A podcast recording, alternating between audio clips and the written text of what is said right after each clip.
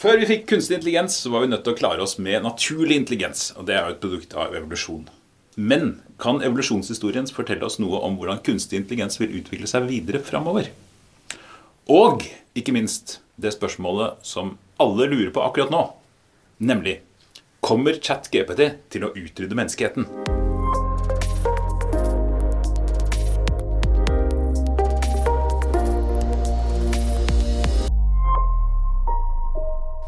Så velkommen til Vold, sex og gener.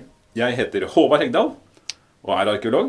Og med meg har jeg Jens Andreas Husby. Eh, hva er jeg? Atferdsbiolog og digital produktleder, er det heter nå. Yes, sir. Tor Martin Austad, kun atferdsbiolog. Kyrre Vatne. Eh, master i evolusjonspsykologi og livskunstner. Liker rollene her. Det utvikler seg, det også. Eh, ja, det er gode spørsmål du stiller, Håvard. um, hvor vil du begynne? Jo, altså Kan du først eh, forklare litt om hva ChatGPT egentlig er? Fordi at eh, Vi hører jo så mye nå om kunstig intelligens, og alt dreier seg om kunstig intelligens, og folk er jo plutselig helt blåst vekk av at man kan sitte og prate, ha lange samtaler med, med PC-en sin. Ja, eh, Merkelig nok, da. Eh, Jeg sitter jo som utdanna biolog og er fagsjef i et digitalt selskap som heter Beck. Eh, Og plutselig så har liksom to interesser bare overlappa helt. Dette er, det som skjer nå med AI, har jeg liksom venta på. Så, så jeg liksom jeg jeg våkna litt opp og bare sagt nå skjedde det, liksom. Nå har det skjedd noe. Og, og det som har skjedd nå, er egentlig ikke en sånn øyeblikk hvor plutselig man fikk et teknologisk gjennombrudd. Fordi dette med ChatGPT det er bare en forlengelse av noe som har pågått lenge, og som vi har holdt på med i det kommer litt an på hvordan man teller med, da, men kanskje i hvert fall i 50 år, hvis du teller, teller liksom dette med ideen om at maskiner kan tenke. Ja, ja. Mm. Eh, mens, eh, mens eh, det som har skjedd nå, er at man har liksom kommet opp på et nivå hvor folk flest blir imponert.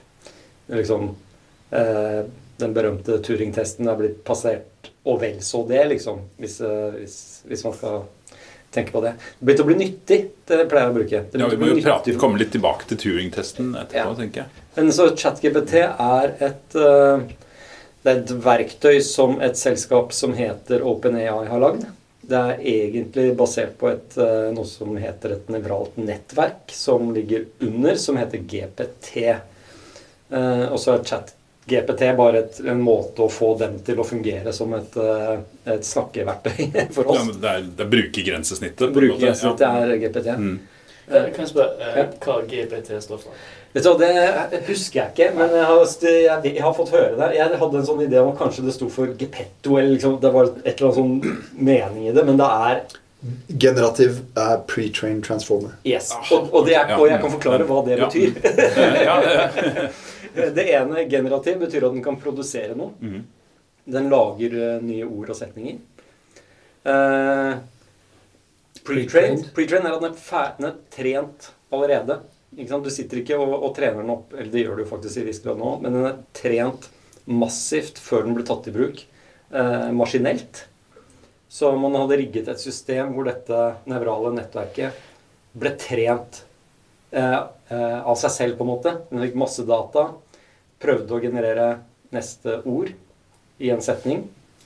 Hvis den lykkes, så fikk den belønning, på en måte. Og hvis den ikke lyktes, så ble den eh, straffet. ja for, det, for det er det den gjør, ikke sant? Den, den, eh, du fòrer inn, inn setninger, og så er det egentlig bare en, Ja. en statistisk sannsynlighet for hva, hva slags ord er det som kommer neste gang. Du, og her er ja, ja, det er riktig, men også. Ja, ja, ja, svaret. ja, ja. Fordi det, hvis du ser veldig grovt på den, så det GPT som er hjertet da gjør, eller er trent på, det er å få en tilfeldig setning og gjett på neste ord. Det er det den er trent på. Så kan du si at ok, det er bare sannsynlighetsberegning osv. Men måten man har fått dette til på, er å utsette den for så mange runder med å gjette neste ord at den har blitt veldig god til det. Eh, og for å klare å gjøre det, så har det blitt oppst... Så har man Det man egentlig har gjort, er å sette sammen mer eller mindre kunstige nerveceller. Og forbindelsen mellom de er blitt endret hver gang den har gitt et svar. Og hver gang den har gitt et svar som er riktig, så har de forbindelsene blitt styrket. Og hver gang den gitt et svar som er feil, så har forbindelsene blitt svekket. Eh, og til slutt da så sitter du da med noe som ligner analogt på hjernen, med nerveceller som har forbindelser til hverandre, som da produserer tekst, da, tilfellet her. Så ja, den predikerer bare i neste setning, men det er også en nevral representasjon av hva innholdet og meningen i disse tekstene. Den hadde ikke klart det uten, uten at det oppsto forbindelser som gir mening i teksten. Da. Ja, ikke sant. Så, men, men, men ok, hvis jeg skjønner dette er sånn riktig, da. Så ok, hvis du har en setning eh, Jeg gikk en tur ned til gamlebyen Mm. for å eh, se på ruinene av Halvardskatedralen. Og tenke over eh, hvordan slaget mellom Håkon Håkonsen og Ertug Skule i 1240 må ha blitt opplevd. Ja.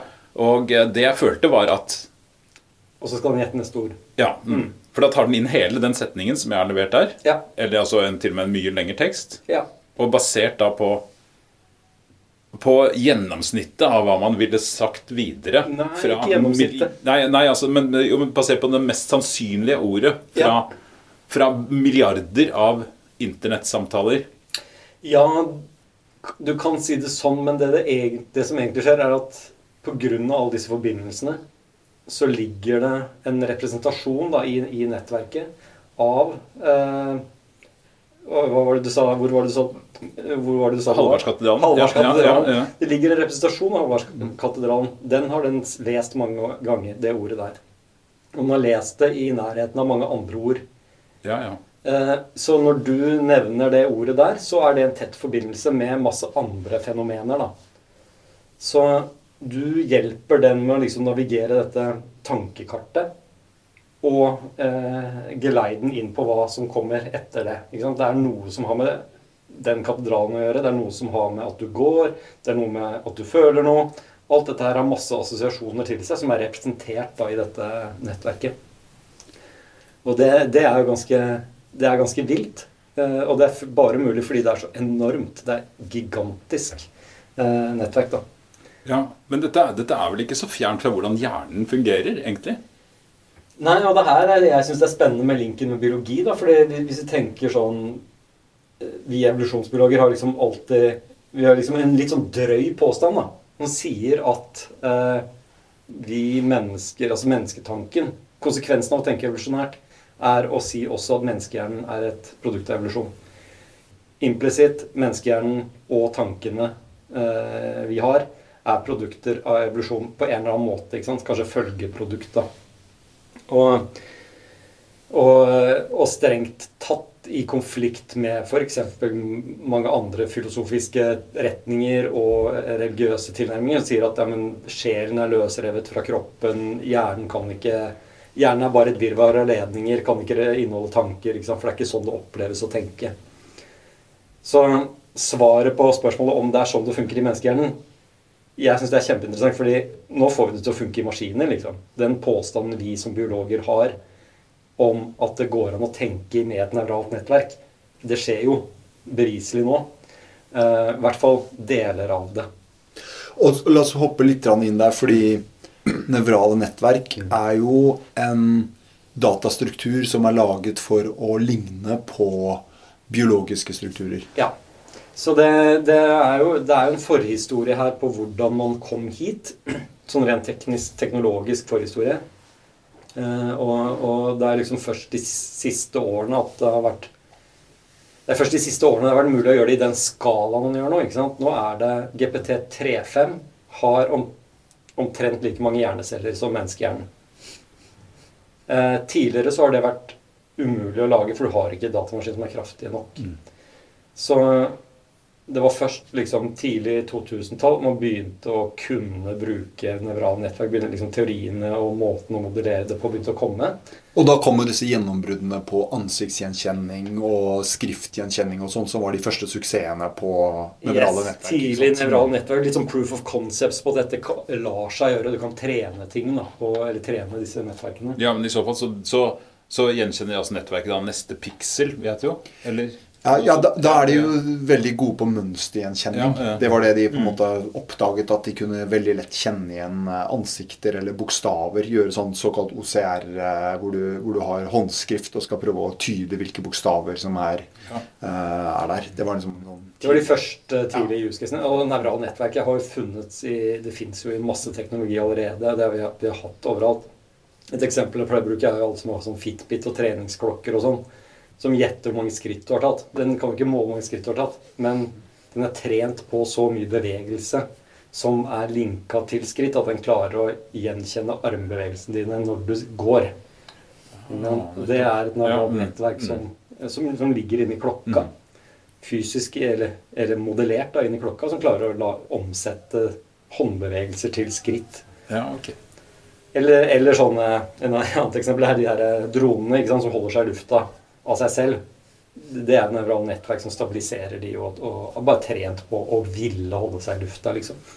Ja, for det, er veldig lett å forestille seg hvordan altså sånn, Også når man ser disse Boston Dynamics-videoene, som Mm. sikkert alle har sett på internett med disse løpende robotene, Spot og, og de greiene der. Det er veldig lett å forestille seg hvordan akkurat det samme systemet som kan brukes til å trene opp en robotkropp. da.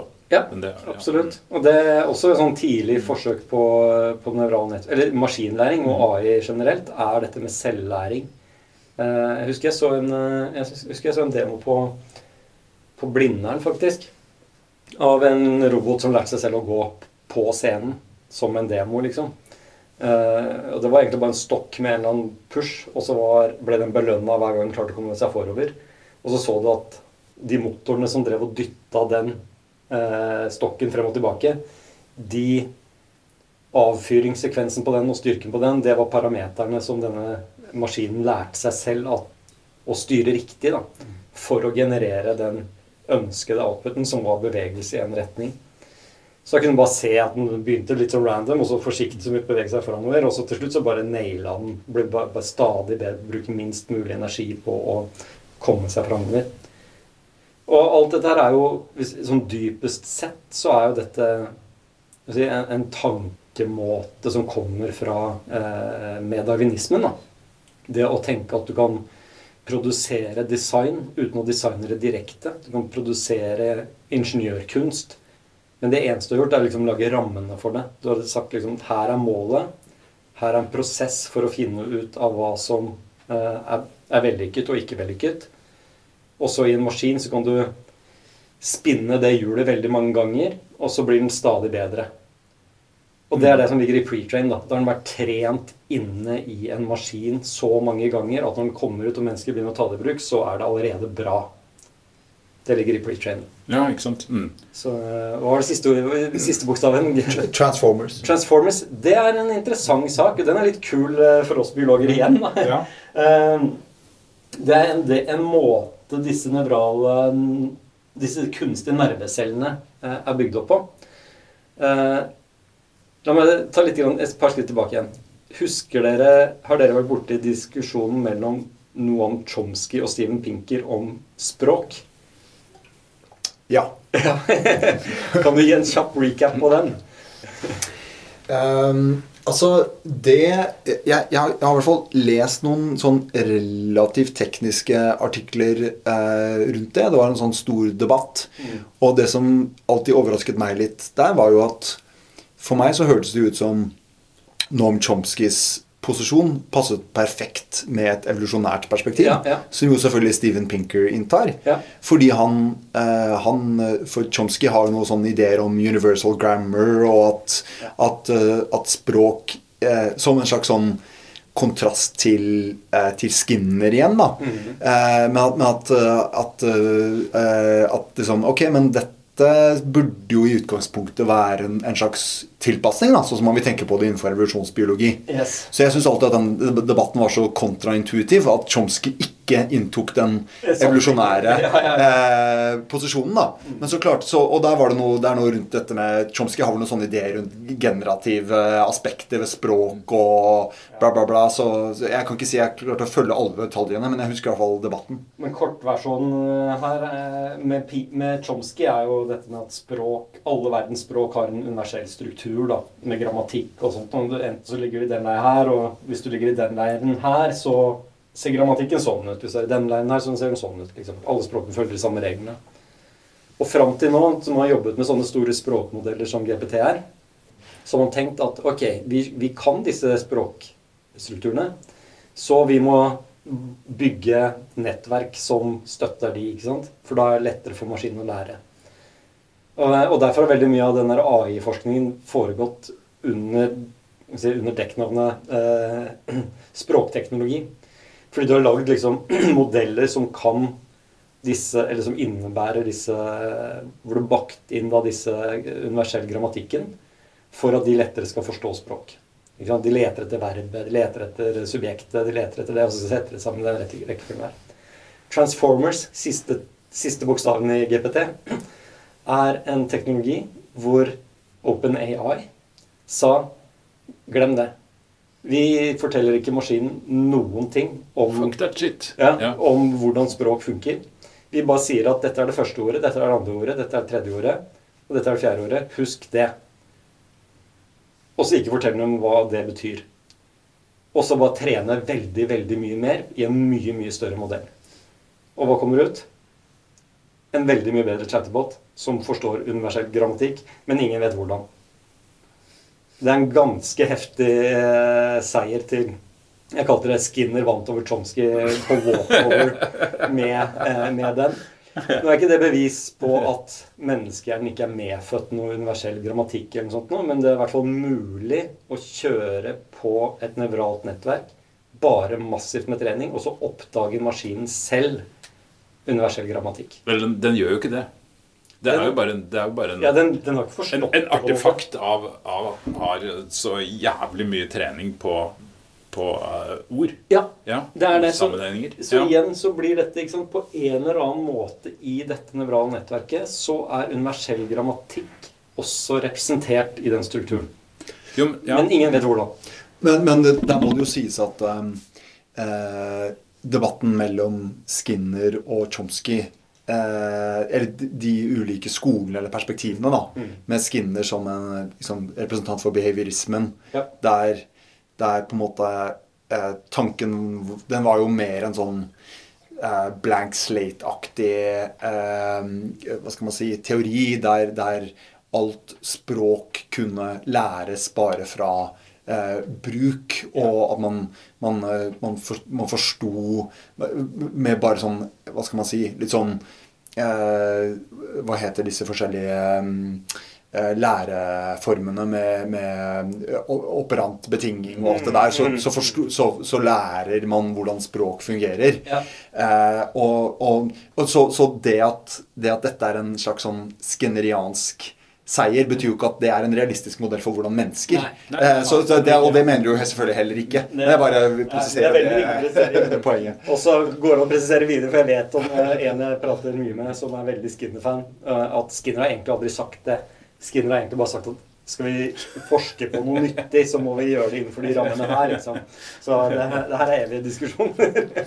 Ja, ja, men, men, men, men eh, hvis vi tar altså et skritt tilbake fra disse her bautaene, så, så er jo dette en, en, en veldig interessant forskjell mellom AI og menneskehjernen. Fordi eh, det er jo helt opplagt at, eh, at eh, evolusjon du, Det siste du vil ha, evolusjonært sett, er jo en svær hjerne.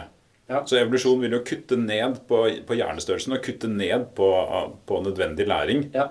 Eh, Fordi vi vet jo at uh, menneskehjernen utgjør omtrent 2% av kroppsvekten, men bruker 10 av energien eller noe sånt. Ja, ikke sant? Ja, ja, og, det er, det er, og, og alle tenker altså det, er en sånn, det er en sånn vanlig I, i uh, human evolusjon, som jeg, som jeg kommer fra, så er det jo veldig vanlig å tenke seg at man på en måte da, man evolverer en slags større hjerne, og man evolverer en kapasitet som plutselig springer ut i blomst og gjør oss superintelligente.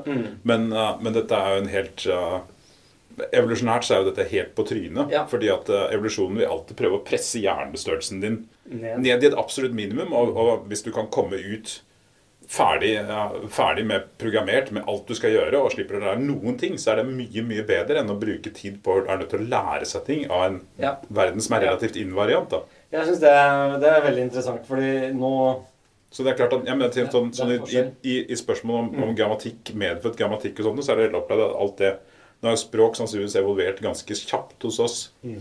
Og det har vært lite tid for revolusjonen å, å, å presse ned hjernestørrelsen vår. Og Mm. presse, optimalisere rutinene våre. Sånn som haier, eksempel, som har hatt mye hundrevis av millioner år på gjøre Nå har hjerner så store som valnøtter. Ja, Eh, jeg syns også det er interessant. Men, uh, men det er helt opplagt at det det er, er mye som er medfødt her. sånn da, Så mye som mulig er medfødt. Ja, og ikke og mest sannsynligvis optimalisert, og at ting liksom er tettere kobla på hverandre enn på en annen måte osv. Men, men eh, så skal man også tenke på at eh, det ChatGPT kan gjøre nå, allerede med treeren, liksom, eller 3.5, Mm. er mer enn ett menneske klarer.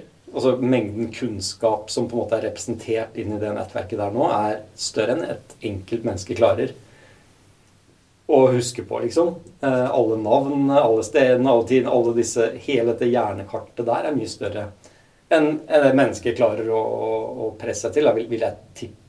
Å snakke på all verdens språk i tillegg til alle disse programmeringsspråkene. Om mulig rart da, som de får til. Absolutt. Så det, det, jeg syns det, eh, det, det er noe interessant i det også. Men, men bare det og størrelsesaspektet er også kjempeinteressant med tanke på uh, at det har kosta mye penger. Og det er et problem også for de selskapene. At okay, det de gjorde, var samle nok penger til å trene et enormt nettverk på, en, på maskiner som du ikke har råd til hjemme. Liksom. Det er i skyen, og, og man måtte lage en teknologi for det også. Eh, men sånn kan jo ikke folk holde på eh, i, i virksomheter, liksom. Du må kunne jobbe i mye mindre skala, må komme billigere varianter, trenger ikke alt det fluffet her for å løse dette problemet osv. Så, så over tid nå så tenker jeg at det her er bra nok til den bruken her. Så vil det komme andre modeller til andre ting, da. Så, så jeg tenker det er, det er en sånn Ja, det er en kjempeforskjell mellom ChatGPT og menneskehjernen. Eh, men vi skal ikke belitle Vi skal ikke redusere liksom, omfanget av hva den får til, liksom, for det er ganske heftig. Men det er til det ene bruken her da, som den eh, er god på.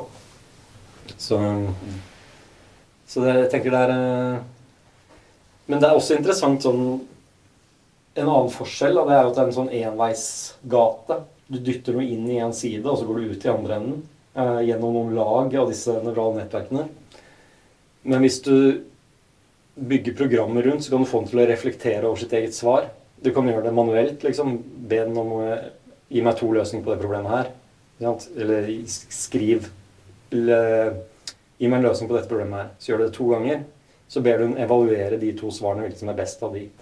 Da begynner du å be den om å reflektere over sitt egne svar. Da får du en slags orkestrering av en tanke da, som du kan gjøre Mm, som mm. bruker. Uh, og mange av de utviklerne jeg uh, jobber med her i Beck, jeg driver og leker med den der hvordan dytter jeg ting inn og tar de ut. Får den til å evaluere sitt eget svar. Uh, sammenligne flere av sine egne svar. Gå videre med noen av de tankene osv. Ja, ikke sant? Ja, for at, for at en ChatGPT har jo ikke noe hukommelse. Nei. Ikke sant? Nei. Eh, Den har bare den samtalen du har ført med den. Ja. Det er hele hukommelsen til ChatGPT er fra da du begynner å type inn ting, og til Ja, og når du typer inn noe, så hiver ChatGPT med ganske mye annet inn i GPT. Og så tar den, får den noe ut, og så viser den deg det den da har kommet ut med. Så, så allerede chat-delen av ChatGPT driver og orkestrerer ting inn mot GPT før du får se det. Eh, og så er det veldig lett å bygge nye programmer utenpå det nå. Sånn at du liksom du, den programmer som snakker med ChatGPT før den viser deg resultatet. Ja, for det blir en slags hukommelse. Da kan du lage en hukommelse. Ja, mm, ja, Da kan mm. du, men den husker bare én og én ting, så du må sende hele hukommelsen med den hver gang den skal tenke på noe. Mm. Hver gang du skal ha noe så må du sende alt det forestående eh, tidligere inn. Uh, og det er jækla interessant, for den blir dårligere og dårligere. Fordi jo mer du putter inn, jo mer kontekst gir du den, jo dårligere blir den på å gi gjette neste ord. Fordi den vekter liksom det, denne katedralen din, og så plutselig har du snakket om badeballer, og så har du snakket om jumbo- jumbojetter og alt mulig annet rart. Da blir det vanskeligere og vanskeligere for den å, å si hva skal være neste ord. For den har mye mer kontekst. da. Ja, ikke sant? Det, er, det er et godt brukertips da, hvis du skal prøve å få noe smarte greier ut av det. Starte en ny samtale. Ja. Og det, Da er den født på nytt, bokstavelig talt. jeg tenker det det er noen sånne generelle brukertips her som, som alle har eh, Eller som du finner veldig mye av på nett. da, liksom Hvordan bruke det, hvordan få mest mulig ut av det. Men alle disse gir mening når du skjønner litt mer hvordan den funker. Én er liksom fortell den hvordan den skal svare. Og så, og så Eh, og så eh, ber du den evaluere svaret ditt. Svaret sitt. Også en sånn bra måte å få den til å produsere bedre output. Da. Men, men jeg har litt lyst til å komme tilbake igjen til eh, Alan Turing. Ja. Ja. Fordi at uh, Turing er jo berømt uh, matematiker og skrev uh, Man kunne sikkert hatt flere programmer om Turing, men han skrev i 1950 så kom han med en artikkel om kunstig intelligens som, hvor han detaljerte det som het Turing-testen. Mm. Og han foreslo da at hvis man En god måte å finne ut av om en kunstig intelligent faktisk var intelligent, eh, det var at man tok en samtale mellom den kunstige intelligensen og et menneske, og så skulle noen altså da prøve å gjette hvem som var menneske, og hvem som var robot. Og hvis det ikke var mulig å gjette, så måtte man si at roboten var intelligent. Og, og dette, sånn da, dette har jo da plutselig kommet opp på en helt jeg synes, veldig merkelig måte. For alle syns jo mener, Hvis man går litt tilbake i liksom science fiction og sånt i, for bare ti år siden, så ville jo alle regnet Turing-testen som god fisk og, og sagt at ok, greit, hvis vi har laget en maskin som klarer Turing-testen, så har vi funnet på en faktisk ekte kunstig intelligens. Ja. Men nå har jo Turing-testen blitt bestått flere ganger. Ja, ja. Ja, i det siste. Uh, ja. Eh, Bare, bare sånn ehm, eh, På akkurat det. Jeg, jeg, har ikke, jeg har liksom ikke fått med meg at det har vært noen sånn derre eh, Hva skal man si Noen sånn skikkelige fors... eh, Eller for å starte med det. Det er jo nokså åpenbart for meg at denne at ChatGPT, eller iallfall GPT4, kan passere Turing-testen. Jeg har bare ikke fått med at noen har liksom gjort et offisielt forsøk, kan du si. Eh, Nei, nei, kanskje ikke et offisielt forsøk, men, eh, men det er eh, i hvert fall Det begynte vel kanskje da med Det var en fyr som var ansatt hos Google, mener jeg. eh, Som jobbet med en, en kunstig intelligens de hadde der sånn. Og han mente at denne her var Han mente at den var levende og bevisst. Og at den burde ha status som ansatt og ikke som asset. Og ble da behørig sablet ned. Jeg tror fikk Ja. Ja, ja, ja. Og samme, jeg mener det er, en, den, eh, det er en chat-tjeneste som heter Replika AI. Hvor, uh, som egentlig bare var en slags pratepartner. Mm. Som, uh, uh, hvor mange brukere mente at, det var, at den var bevisst. Ja. Og her er, det, her, er, her er det mye rart, da. jeg tenker sånn Så, altså, men, men altså, ja, så, sånn, I Turing-test-sammenheng så virker det for meg helt åpenbart at hvis du, lager, hvis du trener ja, til disse nettverkene til å framstå som et menneske og prøve å klare Turing-testen og setter den i samtale med en Ja. vanlig person, så vil det være jævlig vanskelig å finne ut hvem som er hvem. ja. Hvis du ikke sitter veldig, veldig lenge. Og det sier noe om at testen er ganske dårlig. òg. Ja, ja, jo, men lengden på det er jo selvfølgelig et, et issue. da. Hvis du Ja, altså- prater veldig lenge, så vil den test, teksten degenerere. Og... Men Turing-testen i seg selv er jo en sånn der, det er en sånn minste Det er, dårlig, det er en dårlig test fordi man ikke har noen gode definisjoner på hva bevissthet er. Eller på, liksom, hva skal Hva er det vi leter etter? Vi vet ikke, men vi vet det når vi ser det, på en måte. Det er det. Turing, Men, men er, er det en test på bevissthet, eller er det en test på intelligens? Det er en, det er en litt sånn cop-out, tenker jeg. Det er en sånn der, vi, har ikke vi har ikke en felles definisjon på det. Derfor så sier vi at med en gang noen ikke klarer å se forskjell på et menneske og en uh, maskin, så har den bestått testen, liksom. Uh, men det er et godt spørsmål, liksom, intelligens kontra bevissthet. Fordi ordet kunstig intelligens i seg selv innebærer så mange eh, si, eh, forestillinger som gjør at diskusjonen blir helt umulig. Fordi hvis du sier liksom, ja, nå begynner vi å snakke om kunstig intelligens, så legger jo veldig mange i det. Ok, det skal være en bevisst maskin. Den skal tenke på samme måter som mennesker. Og, og en del andre krav, da. Eller særlig den, den skal tenke likt som mennesker. Da, har den, da er det en kunstig intelligens. Og det er jo et helt urimelig krav når man ikke vet hvordan mennesker tenker, eller, eller hva bevissthet er.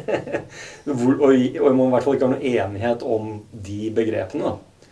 Eh, Så, så der, derfor blir det innmari en, det er en debatt som trenger liksom tydelige 'hva mener du nå?'-spørsmål, men som sjelden får det. da.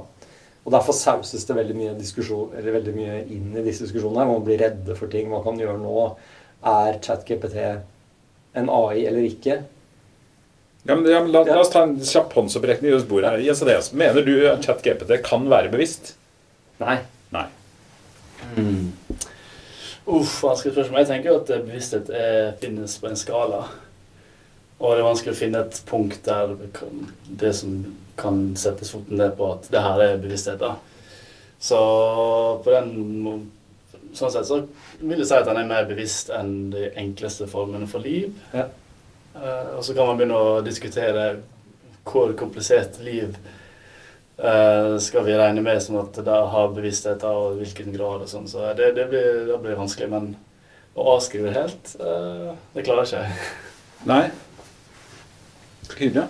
Nei, jeg syns at det er et veldig godt poeng, og, og at man kan liksom spørre seg fra Ta liksom dyreriket som eh, utgangspunkt og spørre seg liksom er en, er en metemark bevisst?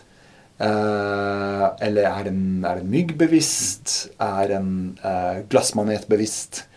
Og, og hvis du da liksom Hvis man tar det perspektivet på alvor, så, så er det jo så, så kan man Og så er det jo Det er jo liksom eh, mange vanskelige spørsmål her. Ja. Og, og dette er jo Man snakker liksom om the, the hard problem of consciousness, og, og, og det er jo Det er vel liksom dette med hvis bevissthet eh, tas for å være eh, eksistensen av noe som kan oppleve, da.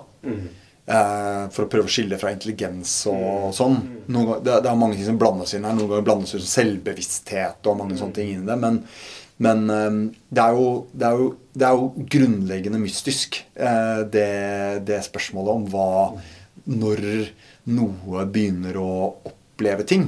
Eh, men, men vi har det samme problemet på en måte i biologien. Eh, og jeg, jeg, en del av meg tenker at når Dere har sikkert sett den der filmen Her. Eh, og, og det er noe med at eh, jeg føler liksom at dette problemet kommer til å løse seg selv litt. At på et eller annet tidspunkt så kommer det bare Kommer ChatGPT bare til å svare så overbevisende. At vi er sånn Ja, ok, men jeg vet ikke om dere er bevisste, dere som sitter rundt her heller. Dere gir jo adekvate svar, og dere rapporterer om indre tilstander. Men det gjør jo denne her også, så Jeg, jeg, det er jeg enig i. Jeg tror det er det sånn det kommer til å gå. Vi kommer til å sitte og krangle om hva bevissthet er for noe osv. Og, og så plutselig en dag så interagerer du med disse eh, systemene Ja, som ja, de ja. var bevisste, fordi det er det som gir mening. ja, Jeg vet ikke om den er bevisst, men jeg er i hvert fall forelsket i den. ikke? Jo, jo men jeg, jeg, tror også, jeg tror også det kommer til å være litt sånn som det er. For jeg mener, vi er, jeg har jo huset fullt av hunder og katter og alt mulig. Og, og ok, jeg, jeg tror ikke hunder ikke er bevisste. Men, jeg, det hadde ikke vært, men det hadde heller ikke vært så rart hvis de kanskje tenkte på en helt annen måte enn det jeg forestiller meg, projiserer inn i dem at de gjør. Og det Jeg, jeg, Så man, når man har kjæledyr, så tenker man jo ikke egentlig Man visste jo ikke piner seg selv om de faktisk er Kjæledyr er et veldig Ja, interessant ja. poeng i seg selv rundt eh, AI, men eh, Jo, men så har du jo, så har du jo Og da, du har noen andre enda nærmere eksempler. Hvis du har en kjælesjimpanse, er den bevisst, liksom? Ja. Eh, eller la oss si at du har en, en, eh, en eh, eh, At du, du har en venn som har fått en alvorlig hjerneskade. Er han bevisst? Så, så det, er, det er liksom en, en Det der med Du kan komme veldig nære. Det blir veldig rart å lage en slags sånn skille ved Homo sapiens. Ja, ja, det er jo et godt poeng det du sier, at det er veldig lett å antropomorfisere. Og, og også hvordan man skal si, ekstrapolere fra hvordan mennesker tenker til hvordan dyr tenker. Ja. Men, men på et eller annet tidspunkt så Eller vi er jo dyr, vi òg, så ja. Ja, ja, ikke sant. Ja, men jeg tenker, jeg tror jo, jeg tror jo med hundene mine uh, at uh, Ok, de er uh, Det er klart, evolusjonen for å tilpasse seg mennesker sånn som de er, den vil jo helt opplagt ta tak i, i det kognitive maskineriet som allerede ligger der sånn. Så det er, jeg regner med at når hundene gir uttrykk for at de elsker meg, så er det trolig de samme strukturene hos hunder som er evolvert, og at de faktisk da føler intens lykke og kjærlighet når de ser meg. Ja. Men det kan være et for Psykofantisk. galleriet. Ja, men samtidig, når jeg, når jeg koser med hundene, og de ligger helt stive på senga, uh, som de eh, elsker å kaste seg opp i bestandig, så uh, Så vet jo ikke jeg Er det da sånn at, at den hunden som ligger ved siden av meg er det, er, er en stiv av skrekk? Fordi jeg er en dødelig homo sapiens, tross alt. Fordi at alle, Jeg vet jo også at i evolusjonshistorien til hunder så er alle hunder som har protestert mot mennesker opp igjennom, de har blitt drept og trolig spist. Så jeg vet ikke om det er skrekk som gjør at, at de aksepterer meg som leder. Men jeg velger jo ikke tro det. Det hadde jo selvfølgelig vært mye mindre hyggelig å ha dyr som er stive av skrekk og skrekkslagne og hele tiden det kan jo godt være at hunder er involvert en akutt frykt, og at det er frykt som holder dem fra å være aggressive mot mennesker. For eksempel. Men det, men det, det gir jeg faen i. Det her er, det her er the hard problem of pets. Men er, jeg synes det er Jeg svarte veldig kjapt liksom nei, den er ikke bevisst. Og, men det er, jo en, det er jo en definisjonsspørsmål. ikke sant? Hva er bevissthet? Og det er her jeg syns det er vanskelig at de aller fleste tenker at intelligens og bevissthet er samme sak, og at vi tenker og er rasjonelle og styrer tankene våre selv. liksom. Eh, mens eh, Men så man si at den riktige måten å tenke på det her er, det er at kunstig intelligens er informasjonsprosessering. Kanskje på samme måte som informasjonsprosesseres menneske, i, i menneskehjernen. Det er i menneskehjernen er fysiske strukturer som står for en måte å prosessere informasjonen på. I nevrale nettverk så prosesseres de på samme måten, bare at det er digitalt. da. Mm. Det går et nervesignal liksom, gjennom noe som ligner nerver, som sender det videre. Mye fortere, selvfølgelig, men og i like stort omfang. Kan etter hvert også i større omfang. Så, så sånn sett kan man si at liksom, ja, fenomenene er like, men eh, eh, de er også litt Ja, de er like og funker på De prosesserer informasjon på samme måte. da. Eh, og kan lære på samme måte ved at forbindelser styrkes. Men det er bare én ting. Det er bare informasjonsprosesseringsbiten. Men pga. måten de gjør det på, så ligger intelligens bakt inn i strukturene fordi de har lært. Det ligner på mennesker. Da begynner å snakke om intelligens. Er intelligens bevissthet? Nei, det er ikke det samme, tenker jeg. Når, når du snakker om Eller når dere snakker om bevissthet som en del av et dyrs oppfattelse av verden, så er det strukturer som er indre representasjoner av den ytre verden. liksom. De, verden de skal navigere, er såpass kompleks eller viktig for dem at de har indre representasjon av hva den verden er, sånn at de kan navigere den. Mm. Det har GPT. Ja, det er akkurat det. Ja, ikke sant? Men de sanseinntrykkene GPT får, de eneste sanseinntrykkene den får, er jo faktisk Teksten. Ja, teksten du gir den. Ja. Det er sanseinntrykkene. Er Og så responderer den på det. Og her kommer en liten sånn er mind-blowing sak, da. Eh, Dal-I, Mm. så vidt jeg har skjønt, Dal-I som produserer bilder, gjør det på GPT. Fordi de samme assosiasjonene ligger i tekst og bilde. Så mye av den her store AI-revolusjonen har gjort eh, nå, er at man har skjønt at også bilder er tekst, og video er tekst, og kontekst er tekst. Alt sammen er tekst og kan produseres av disse large language-modellene. Det blir jo veldig vanskelig å tenke seg at fullstendig ikke er bevisst også. Da. For at, mener, noe, av, noe av problemet her sånn er jo at, at uh, vår hjerne fungerer jo også, hvis du går inn på det, som du sier, akkurat med mekaniske brytere. Ja. På eksakt samme måte egentlig som man lager med silikon og metaller. Ja. Ja, Ja, det er- og, det, og likevel så kommer det bevissthet ut av vår hjerne, og så tenker vi at det ikke kommer bevissthet ut av Ja, fordi jeg, sånn som jeg tenker på bevissthet, det er veldig på Dennett-kjøret, da. og Dennett er veldig på den derre bevissthet er selvbevissthet. Ikke sant? Det er en Du har eh, Han har en jækla fin bok som jeg har tenkt å skrive litt om igjen snart. Den heter 'Kinds of Minds'. Man sier ok, det er, det er en naturlig sekvens her. Du har, du har maneter. Eh, Manetnevrale nettverk er liksom Mat er der borte. Det går et signal fra den som sensoren som fanger opp mat, til en muskel på andre sida. Eh, som får den til å bevege seg, og derfor beveger dyret seg alltid nærmere høyere matkonsentrasjoner. Bra nok, liksom. Men det er allikevel en representasjon av en ytre verden. Den en Den får en sens av den ytre verden da, med, som handler om matkonsentrasjon.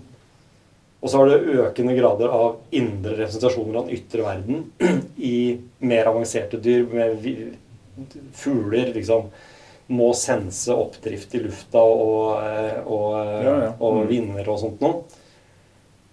Modellere det i hodet på en eller annen måte for å kunne justere vinge... vinge Ja, ikke sant? Men da kommer du tilbake til det som du sa, du Martin, det med, med at, uh, at det må være forskjellige typer bevissthet, altså forskjellige grader av bevissthet. Um, ja. Ja, nei, nei Ja, enig.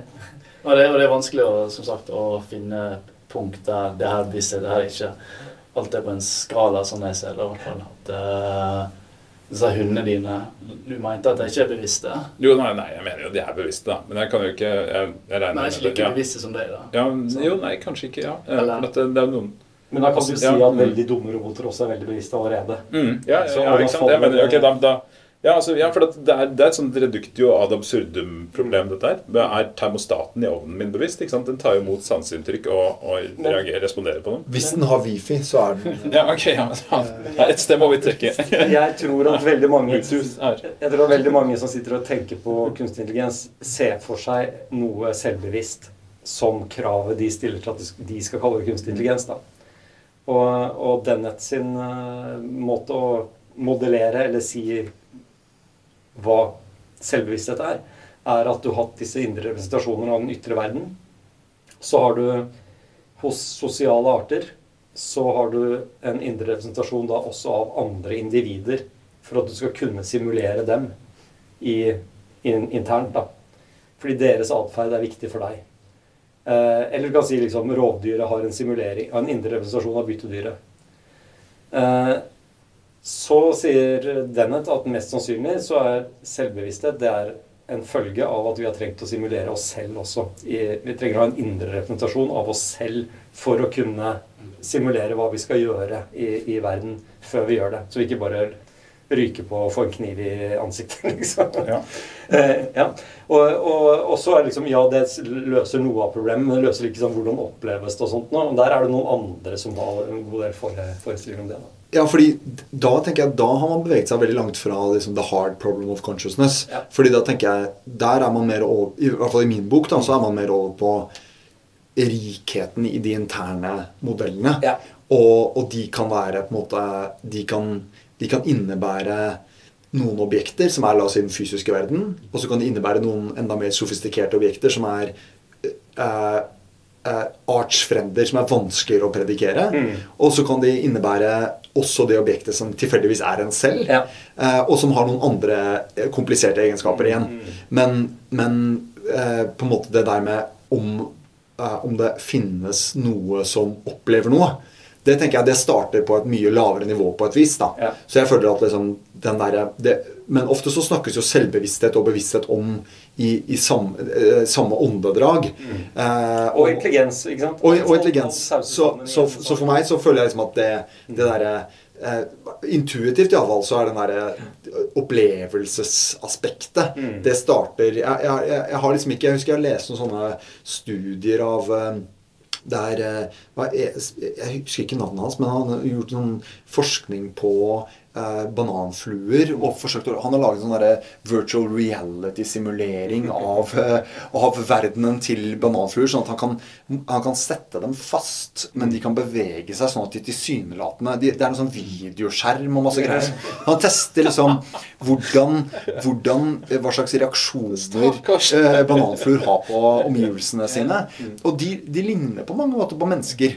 Og det er jo det med Også insekter trenger å ha De har vel ikke akkurat søvn, men de har noen sånne der hvileperioder som ligner litt. Og det påvirker læringen deres. Og hvis de ikke har fått hvile ordentlig, så klarer de ikke å lære like godt. Og, ikke sant? Så, så, det, er- det, så, fakturering, ja, så, så, så jeg er tilbøyelig til å tenke at liksom, mygg er bevisste. Ja. Eh, I hvert fall i den derre at det er noe å være en mygg. da Ja. Eh, det, er ikke en, det er liksom ikke bare en Det er ikke en sofistikert robot, på en måte. Det er, Jeg tror det er mange som tenker at insekter er sofistikerte robåter. Men eh, ja, Ja, ja, ja. Jeg, jeg, jeg er mer enig med deg. Ja. Jeg har, eh, jeg vet ikke, har, har lest eh, Hva heter Hofstater, er det det han heter? Ja. Ja. Eh, Jeg er, sånn, det, er- jeg er fornøyd med det svaret der. Med at man er en rar loop, da. ikke sant? At du eh, ved en, I hvert fall en måte jeg tenker på det på, at du har liksom Ja, du har en bølge av nervesignaler som ender i en output som blir liggende i en slags sånn korttidsminne her. I den korttidsminnepolen så ligger også deg som er representert. Og når neste bølge kommer, så tar den en dipp nedi der og husker deg og din state i det forrige øyeblikket. da. Så du er bare Din opplevelse av deg er bare kontinuiteten av det minnet som lå der fra forrige flash. da. Og det tenker jeg, tenker jeg Og, og så kan man si ja, men det er noe her så, sånn, sånn som sånn. Og da tenker jeg at det må jo oppleves på en eller annen måte. så det blir det samme svaret som eh, på det, dette med eh, dette med 'hvorfor finnes vi på jorda?'-spørsmålet. Hvorfor finnes vi akkurat her hvor verden er så perfekt? Jo, fordi det spørsmålet vil alle stille seg. Fordi vi er, vi er her, liksom. Det er en sånn survivorship bias-aktig problemstilling. Det vil føles på en eller annen måte hvis du har et sånt system, og dermed så er eh, der- der- Dermed er det et ikke-spørsmål, da. I hodet mitt. Ja, ikke sant. Ja, ja. Thomas Huxley, den store naturalisten, han sa at uh, i 1866 i, sa vel noe sånt som at uh, det var like vanskelig å, at det at bevisstheten sprang ut av et nervesystem, var vel omtrent som at var like, like vanskelig som at, uh, at dinen kommer ut av, av lampen til Aladdin når man gnir på den. Og det er jo Det er egentlig der vi står. ikke sant? Ja. Vi har jo ikke noe peil på hva dette her er for noe. og Selv så føler jeg jo kanskje at bevissthet på en måte er et slags sånn eksistensielt aksiom Mm. som vi ikke klarer å, å finne ut noen ting om. At det er per Og jeg, definisjon og jeg tror, uforståelig. her tror jeg det er sånn med maskiner Vi kommer aldri til å si det vi ser nå, da. Nei, ikke sant? Vi kan ikke si om ChatGPT er Nei. bevisst, og det er derfor Turing-testen egentlig er relevant i det hele tatt. Det jeg tror er litt interessant framover, er at man kan lage mange kule modeller på hvordan selvbevissthet funker. Rent sånn mm, si, eh, arkitekturelt, da. Mm. Men du får det samme problemet som du får med Turing-testen. ikke sant? Hvordan skal du finne ut om det er sant, eller hvordan kan du finne ut om den eh, faktisk har en opplevelse? Du må bare spørre. Og da kommer han til å svare det samme som ChatGPT svarer nå. Og, og, og det, men det menneske, problemet har vi med mennesker òg. Ja, ja. Mm. Og det, det ser jeg veldig ofte nå i disse diskusjonene her, at man antar mye om hvordan mennesker funker, og så vet vi jo ikke hvordan mennesker funker. Vi sitter med samme problemene. Eh, Jeg syns også det er veldig interessant bare dette med Vi har snakket jo om hvordan dette nettverket har representasjoner av ulike objekter og denne katedralen din. da. Åpenbart GPT vet noe om den katedralen. Vet. Det er Ja, bygd ja. inn i det er bygd inn i nettverket, en representasjon av det. Hvor? Ingen veit. Hvordan skal vi finne ut av det? Jo, vi kan begynne å ta ut én og én brikke, og så se om den fortsatt husker den katedralen. Til slutt så kan du kanskje pinpointe at ok, hver gang Eller du kan si Skriv et eller annet om katedralen, så kan du se hva som lyser opp. Og så kan du snevre det inn. Det, det lyser opp hver gang. Så kan du finne ok, akkurat Mm.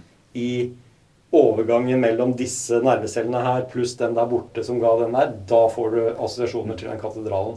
Det er litt morsomt, fordi det ligner jo på sånn imaging-studier man gjør av hjernen. Nemlig. Og det er akkurat der vi er med menneskehjernen nå. ikke sant? Vi aner jo ikke hvordan dette nettverket egentlig representerer eh, disse ytre fenomenene. Fordi det er for komplekst. Det er, men, men nå har vi jo et nettverk hvor det faktisk går an å gjøre det sånn i GPT, så kan man finne ut av det. For det er på en måte. Helt til du får GPT4, da. Eller Ja, mm, ja, ja. GPT4.1, eller retreneren. Så er det kanskje på en helt annen måte. Men jeg syns det jeg synes det er, det er Her er det kjempemye spennende liksom, læring om oss selv eh, inni det. Og, og jeg tror veldig mange av de der bastante sakene, sånn som du sa, bare Huxley, med at det kan ikke ligge i bevissthet som en følge i et uh, nevralt nettverk.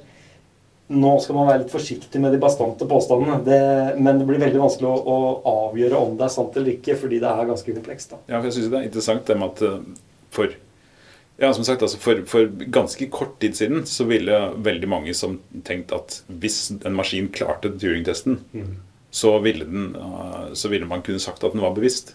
Men, eh, men i dag så er det veldig veldig få som sier det, fordi at eh, vi klarer er Turing-testen. Ja, ja. Det er så in your face at Ja. den klarer det. Men, men, men, altså, men ChatGPT er jo da trent på menneskers, menneskers interaksjoner. Eh, og vi har jo pratet mye om at mennesker ikke alltid er helt ok. Eh, og nå er det altså veldig mange personer som vet mye ting om mange ting, og spesielt mye ting om, også om AI, har jo gått ut og, og vært veldig bekymret for AI. Så da kommer vi da inn på det. Hvor kommer de til å drepe oss alle sammen? Er, er uh, planeten om uh, 500 år, eller om 100 år, eller om 20 år, eller om 10 år fri for mennesker og kun maskinell? Jeg tror at veldig mye av den bekymringen der stammer fra en idé om at, eh, om at evolusjonen er lineær. Og at den beveger seg mot stadig mer intelligens. Du, hvis du tenker sånn tidlig darwinisme, da, eller kanskje også før Darwin, så tenkte man at ok, du, verden utviklet seg fra primitive vesener til mer og mer intelligente, og mennesket er liksom kronen på verket. Og så har man en frykt nå for at nå har kommet noe som er enda mer intelligent. Dermed så forsvinner vi. Jeg, tror veldig mange instinktivt fortsatt tenker sånn. Og dermed så ser man for seg at ok, nå har vi lagd den nye arten som skal utrydde oss. Men sånn funker jo ikke evolusjon. så allerede der tror jeg veldig mange bare begår en sånn feilslutning. Bare tenker at Hvis man tror at evolusjonshistorien er at mer intelligente arter har utryddet den forrige, forrige arten, så, så, er ikke det sant. Det er ikke nødvendigvis en, en følge. Da. Nei, så du tenker Vi burde finne oss et slags New Zealand eller noe sånt noe, uten kunstig intelligens å overleve på. Hvor vi kan være. jeg, er ikke, jeg er ikke der. Hvor vi kan være en slags ny type haier som kan overleve med en sånn valnøttstørrelse i millioner år. ja, men la, la, oss ta en rask runde rundt bordet her. sånn. Er dere bekymret for, uh, for kunstig intelligens? Jens? Nei. Uh, Nei, men jeg er litt bekymra for at det havner i feil, feil hender. At uh, det blir brukt mot oss av andre. Som, det blir en litt sånn krigføring av hvem som kan utnytte det best og vinne og få makt. Mm -hmm. Jeg er bekymret for sånne romance-scams hvor, eh, hvor ensomme menn blir lurt til å, å, gi pengene sine til uh, botter. Uh, for nå vil det være veldig veldig enkelt å kjøre storskala romance-scams. Og der, der, vil mange bli lurt. Uh, men, men jeg, jeg, er jo Jeg har jo sympati for um, argumentet om at Eh, en eh, veldig sofistikert intelligens er et vesen som ikke vi forstår helt. Og at, eh, og at man kan Jeg syns jo på en måte disse Sånn som den derre Ex Machina eller, mm. eller den, for så vidt den filmen Her. på en måte den liksom At vi blir, at vi blir sånn spilt ut. Eh, det, det ser, jeg ser jo den teoretiske faren der. Og at, og at liksom som, som, han eh, Sam Harris har vært inne på, at, liksom, at vi, vi, kan stå litt i samme relasjon til en sånn intelligens som, eh, som vi står til maur, da. Ja. Eh, eller som maur står til oss, blir det riktig. Eh, så, sånn at, sånn at vi, vi fremstår som veldig lite betydningsfulle. Og at den, den, den resonnerer som så at ja, men ok, de har disse veldig eh, på en måte, lokale bekymringene rundt masse greier. Det er ikke jeg opptatt av. Jeg ser det store bildet her, så jeg må dessverre bli nødt til å eh, kverke noen, noen, milliarder mennesker. Mm. Men det er in the grand scheme of things så har ikke det så mye å si. Eh, så jeg, jeg, ikke, jeg, jeg, tenker jo ikke at en, en, kunstig intelligens i seg selv er en destruktiv kraft. Absolutt ikke. Og jeg syns du har et veldig godt poeng det der med at, at man, man, har en Det er lett å tenke at uh, vi, vi, har erstattet mindre intelligente arter. Mm. Um, men så, så, så, for meg er det kanskje litt tidsskalaer. At jeg, jeg, jeg syns ikke det fremstår som veldig nærliggende. Uh, men på lengre sikt så tenker jeg at det, det kan ha potensialet til å være en, en farlig teknologi, da. Mm. Mm. Tenker du òg? Ja, nei, nei, jeg tenker jo litt det samme. Det er, sånn, det, er, det er vanskelig å se hva slags, hva slags uh, målsetning, hva slags agency mm. ja. den skal ha. Du må jo på en måte, du må gi den målsetninger for at det skal være et problem. Men på den annen side så kan det jo være et jævla problem hvis du klarer å gjøre det. Uh, fordi hvis du begynner å kjøre, å kjøre AI rekkurskift, og den lærer seg opp selv, og du gir den en, en målsetning som også kan, kan, kan evolvere Ja, og det kan du. Mm. Det kan ja, ja. Mm. Og sette, må, må sette den til koblen på et eller annet som har litt effekt. Da. Men på den annen side så kan mye ha en effekt. Da. Altså det er hvis du, uh, hvis du uh, slipper det helt løst, så kan den jo uh, så burde den ha for stort potensial til å manipulere folk, da, utover altså disse rent disse stakkars eh, ensomme mennene som får romance scams. Som kan jo ha stort potensial for å manipulere folk i samtale. For den vil jo også bli trent opp i samtalene til å forstå hva som ja. faktisk fungerer. Ja. ja. jeg tenker også det her, er, altså kommer, det her kommer til å spille seg ut. da Hvordan kan ChatGPT lage seg sin egen ekstreme sekt, f.eks.? Ja. Eller sin egen folkebevegelse, eller sin egen nye vekkelse av et eller annet dustent Mm. internettfenomen? Den er eh, Altså, den vil gjøre Jeg, jeg tror eh, det blir, det blir litt sånn som all annen teknologi. da, Du kan bruke den til godt og good and evil osv. Uh, men så er det Mange av de skrekkscenarioene er litt sånn De er litt begrensa i forhold til uh, hypen, da. Ja. Eh, dette med at det utrydder oss. også litt sånn eh, si, en, en, eh, For det er, én tanke til her da, som, som jeg tror ligger under disse tingene. her. Det ene er liksom vi blir erstatta av noe mer intelligent. At det er liksom er automatikk i det. Mm. Det andre er at intelligens er knytta til kjølige beregninger av noe for å oppnå et altså Målet helliger middelet type resonnement, og at man bare vil jakte på det. Hvorfor skal vi få det, liksom? Det, det er spørsmålet jeg stiller meg. Er, hvorfor tror vi at denne her kommer til å produsere, eh, produsere noe sånn, da? Fordi, og et, et bilde jeg bruker, er liksom Vi har masse AI-modeller rundt oss allerede. Vi har masse nevrale nettverk. Vi, vi har skapt nevrale nettverk i omgivelsene våre før. F.eks. hunder. Så hvis du ser på hunder, er, tenker jeg er en bra analogi. Hvordan kommer, vi til å, hvordan kommer vi til å bruke disse nettverkene her? Jo, vi kommer til å bruke det til ting vi har lyst til å bruke det til. Og dermed så vil vi trene dem slash bygge dem i ting vi har glede av. F.eks. at de ligger stive av skrekk ved siden av oss. ja, men det er et det bra, bra eksempel. Så, men så tenker jeg, ok, ser på hvordan vi har tatt uh, ulver da, og gjort til hunder. Så ja, de all, men de aller aller fleste er koselige, hyggelige dyr som eh, gir oss glede og ligger til oss. men så er det også kamphunder, selvfølgelig. Men det sier noe om hva er det vi mennesker gjør, gjør med autonome systemer. liksom. Vi bruker dem til ting vi har glede av. Hva er det vi har glede av? Hvis du tenker at vi har glede av å ødelegge for hverandre, greit, da kan vi se for oss at vi har et, enda et nytt våpen i hendene. Ja, vi har det. Men vi har også en ny måte å forsvare oss på mot de eh, eh, truslene. Men, men du har jo et, et, eh, å si, et perspektiv her er jo også det, dette med, som, som Håvard var inne på, det der at um, AI forbedrer seg selv. da. Mm. Så på, på en måte i det du, det du har en AI som er ikke sant, Som du sa i stad, nå har man jo på mange måter en AI som er mer kapabel enn mennesker. Sett, Et- et- sett på én en måte. menneske. Mm. eh, enn ett ekte menneske. Men, men foreløpig så har vi ikke et system som hvor eh, vi kan ikke si til GPT4 Lag GPT4-1. Mm. Um, men i det øyeblikk vi er kommet dit, Mm. Så kan man jo se for seg at ok, men da vil jo neste beskjed være lag GPT42. Mm.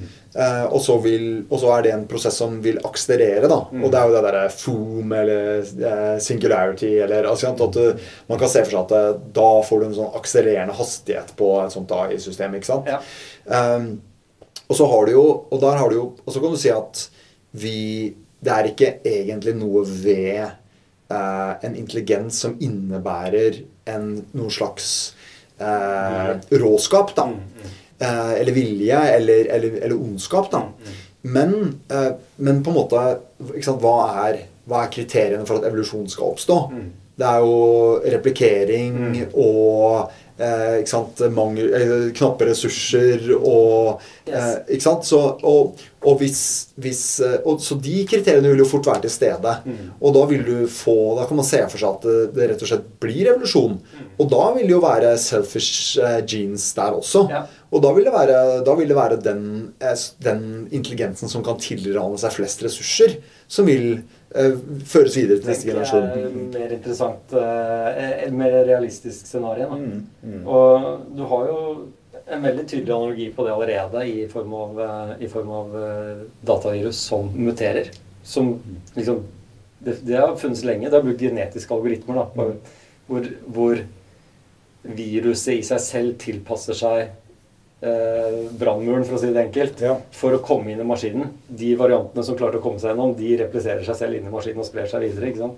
Pluss at den prøver til den treffer. Så, og da kan du si liksom, ja, i, hvis du setter deg bak i godstolen, så kan du sette deg og tenke at ok, med en gang noen har trykt på knappen og sluppet et sånt virus, så kommer alle maskinene i hele verden til å bryte sammen. Men det har jo ikke gjort Det har ikke skjedd. Det har ikke skjedd, ikke sant? Det, dette her begynte man med for 20 år siden. Ja. Å prøve å lage sånne virus. Ja, ja. Ja, Så- ja, ikke sant? Så det er det. AI kommer til å angripe oss, og det kommer til å redde oss. Ja, det, vi, vi har måter å forsvare oss det, er, det finnes kabler å kutte, holdt jeg på å si, eller eh, systemer å, å slåss med. Mm. Og, og i, mange, i mange domener så er dette realitet allerede. Eh, jeg har en kollega her som driver med driver et av de store sjakknettstedene. Og der er spillere som bruker AI for å spille sjakk, et kjempeproblem. Eh, hvordan finner du ut om en spiller har en sjakkrobot ved siden av seg for å hjelpe seg med å si neste trekk? Jo, de bruker en AI selv på innsida for å kjenne igjen eh, Mm. trekkene. Den eneste måten de kan avsløre de trekkene på, det er at de har en AI selv som sier at ok, det syke vil Eller de, det mønsteret i trekk her nå, det har en så og så høy sannsynlighet at det er lagd av AI. Men har de jukserne da en hjelpe-AI som sier om de trekkene som den første AI-en foreslår? Ja, ja, ja. ja, ja, ja men det, altså, de, de har liksom oppdaget at de har begynt å lage, lage sånne der mønstre hvor de bryter av hvert tiende trekk, f.eks., er random. Eh, nesten, da. Så, men det er, det er, liksom, det er arms race. Da. 10 dårligere. Og sånn arms race tenker jeg vi vil se ganske mye. En annen ting, er et, et, et annet scenario som mange snakker om, er jo liksom dette med fake news og sånn. Det har vært mulig å forfalske bilder i eh, siden Photoshop og før den tid, liksom. Mm. Stalin begynte med det. Mm. Vi må bli bedre på kildekritikk. Ja, jeg innbiller meg at vi kommer til å se mye mer av etter hvert som, som uh, bilde-AI-ene begynner å bli bedre, og vi begynner å få film og greier, så kommer vi til å se mye mer av folk som bortforklarer reell film som AI Ja. enn enn faktisk AI-genererte scams, vil jeg tro. Det tenker jeg. Så boblene blir, vil forsterkes, og min, mindre enighet om hva som er sant og ikke, kanskje. Ja. Eller hva som faktisk skjedde.